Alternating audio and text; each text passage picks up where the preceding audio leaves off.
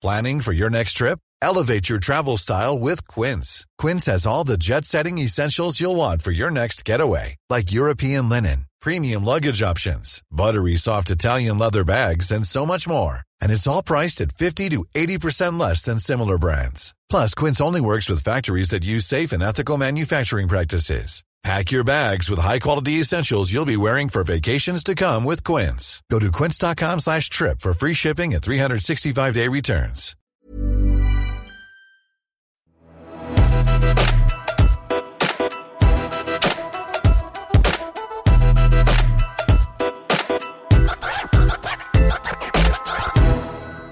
Mandag 4. oktober vil mange av oss huske, i lang tid fremover. Ikke nødvendigvis fordi det var ti år siden Apple lanserte iPhone 4S, men for at Facebook bokstavelig talt forsvant fra internett, og det i hele seks timer. Alt relatert til Facebook forsvant. Den blå Facebook-appen sammen med Messenger, Instagram, WhatsApp, Oculus, Facebook Workplace, pålogging f.eks. til andre apper via Facebook og i tillegg til at Facebook-ansatte ikke selv fikk tilgang til interne kommunikasjonsplattformer og deres egen e-post. De ansatte kom ikke engang inn på kontorene sine som følge av, skal vi da tro Facebook og Mark Zuckerberg selv, en konfigurasjonsendring som ikke gikk som den skulle. Er det her tilfeldigheter, eller kan det skyldes andre ting? For alt det her skjedde kort tid etter at The Wall Street Journal hadde avslørt f.eks. at Facebook ga millioner av høytstående Facebook-profiler utvidede tillatelser til å bryte Facebook sine egne retningslinjer. Dette skjedde kort tid etter at samme avis hadde avslørt at Facebook visste om den negative påvirkningen Instagram har på den mentale helsen til tenåringsjenter. Og det her skjedde dagen etter at Facebook-varsleren Frances Haugen sto frem på 60 Minutes og fortalte at det var hun som hadde overlevert tusenvis av sider om hvordan Facebook sine algoritmer prioriterer hat og falske nyheter fordi fortjeneste kommer foran folks personvern og sikkerhet. Så spørsmålet igjen blir jo om det her var tilfeldig eller ikke. Uansett så blir det også da spekulasjoner. Men det store spørsmålet er jo om vi kan stole på Mark Zuckerberg når han sier at det kun var snakk om menneskelig svikt og en feilkonfigurasjon. Jeg skulle ønske jeg kunne si at jeg gjør det, men det er jo en grunn til at Mark Zuckerberg og resten av Facebook-ledelsen har nærmest fått klippekort hos de amerikanske myndighetene de siste årene. Plattformgiganten er rett og slett ikke til å stole på. Og Det har vi jo sett også i norske omdømmerapporter, hvor Facebook skraper i bunnen av tabellen hva gjelder vårt eget tillit til plattformen. Men altså, uansett om det her var menneskelig svikt eller en intern ansatt som gjorde det med viten og vilje, så forsvant i hvert fall da Facebook fra planeten. I alle fall da fra World Wide Web. Altså Facebook var faktisk såpass borte fra internett en stund at domenet facebook.com var tilgjengelig. For å si det så enkelt som eh, det er mulig, så var Facebook borte fra kartet. Det var som om Facebook ikke eksisterte, og det da i seks timer. Og her er det to akronymer som går igjen når aviser og eksperter skal forklare hva det var som egentlig skjedde. Det første akronymet er DNS, som står da for Domain Name Server.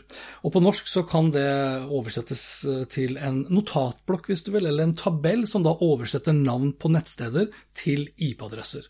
Så når du skriver facebook.com, så vil det da oversettes til en IP-adresse som består av tall tall og punktum. Heldigvis, egentlig, for det er jo mye enklere å huske et navn enn et nummer. Og nå skal det jo sies at jeg sliter med å huske både navn og telefonnummer, eller nummer som sådan, men det er jo da en helt annen sak. Det andre akronymet er BGP, som står da for Border Gateway Protocol. Kort fortalt så gjør BGP det mulig for de forskjellige internettleverandørene i verden å kommunisere med hverandre. Så når jeg da sitter her i kjelleren min og skriver facebook.com på min Chrome-browser, så er det da BGP som gjør det mulig for alle de forskjellige internettleverandørene som befinner seg mellom meg og Facebook sine servere og sende videre mine datapakker. Datapakker som settes sammen slik at jeg kan få med meg da f.eks. alle de innsiktsfulle kommentarene fra de nesten tre milliarder brukerne som er å finne på én eller flere av Mark Zuckerberg sine sosiale medieplattformer. Vedkommende i Facebook, vitende eller uvitende, gjorde så da en konfigurasjonsendring som i praksis fortalte alle internettleverandører i hele verden at Facebook ikke lenger eksisterer. Og etter hva jeg har klart å lese meg opp til, så kunne det ha vært løst ved at samme person hadde sendt ut en ny oppdatering som kort fortalt sa at nei da, du, vi eksisterer vi altså, og så ville alt vært løst. Derimot så er Facebook sitt eget nettverk designet slik at den type informasjon først passerer via Facebook sin egen infrastruktur, og siden Facebook da var borte fra internett, ja, så kom aldri den oppdateringen ut av nettverket til Mark. Og det her var også da årsaken til at svært mange først da trodde at problemet var relatert til DNS, altså at oversettelsen av et navn til et nummer, og at denne tabellen da var borte, eller i hvert fall da kompromittert. For oss her i Norge så var jo ikke det her kritisk. Altså Greit nok så var det noen virksomheter som ikke fikk liksom, kjørt ut sine annonser på, på plattformene, men liv sto tross alt ikke på spill.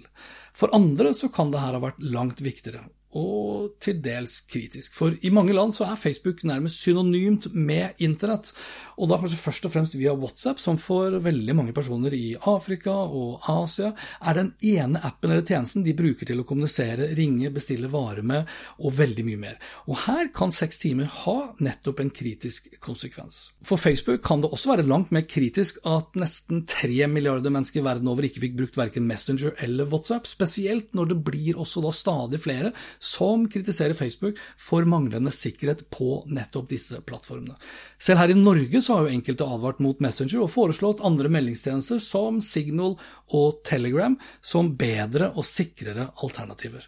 Og bare i løpet av de seks timene Facebook var borte fra internett, ja, så fikk Telegram alene nesten 70 millioner nye brukere.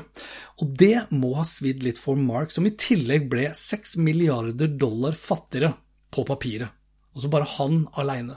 Facebook som sådan falt med 5% samme dag som Facebook var borte vekk, tilsvarende da nesten 50 milliarder dollar i verdi. Og estimatet fra Fortune peker på at Facebook tapte ca. 100 millioner dollar i annonseinntekter på disse seks timene.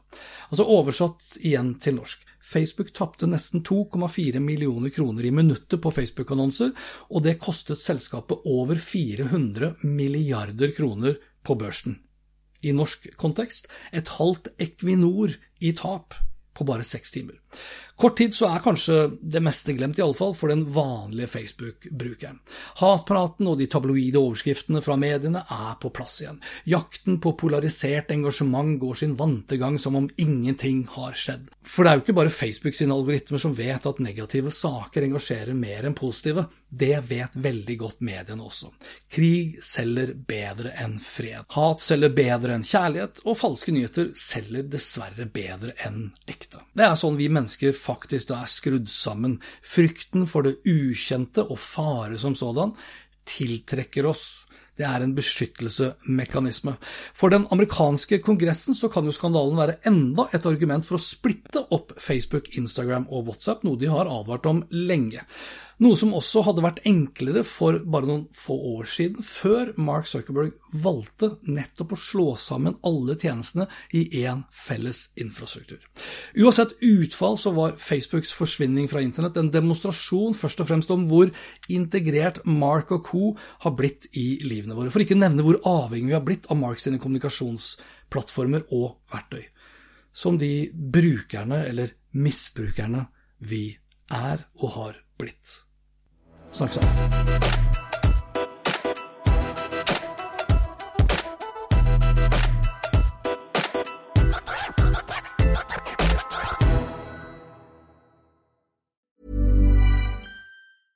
Step onto the legendary clay courts of Roland Garros, where the world's best players battle it out for a chance to win the French Open title. Tennis Channel Plus is your place to watch. Stream every court from your phone or smart TV, live in HD. Don't miss a moment with daily live coverage and match replays on demand, beginning Monday, May 20th. Be there for all the unforgettable moments. Stream now with Tennis Channel Plus. My business used to be weighed down by the complexities of in person payments. Then, Tap to Pay on iPhone and Stripe came along and changed everything. With Tap to Pay on iPhone and Stripe, I streamline my payment process effortlessly. Now I can accept in person, contactless payments right from my iPhone. No extra hardware required. What's truly remarkable is how I can cater to all of my customers' payment preferences. Whether they're using cards, Apple Pay, or other digital wallets, Tap to Pay on iPhone and Stripe ensure a smooth checkout experience every time. And it's not just me. Stripe helps businesses of all sizes, from local markets to global retailers, scale quickly and stay agile. To learn how Tap to Pay on iPhone and Stripe can help grow your revenue and reach, visit stripe.com slash tap iPhone.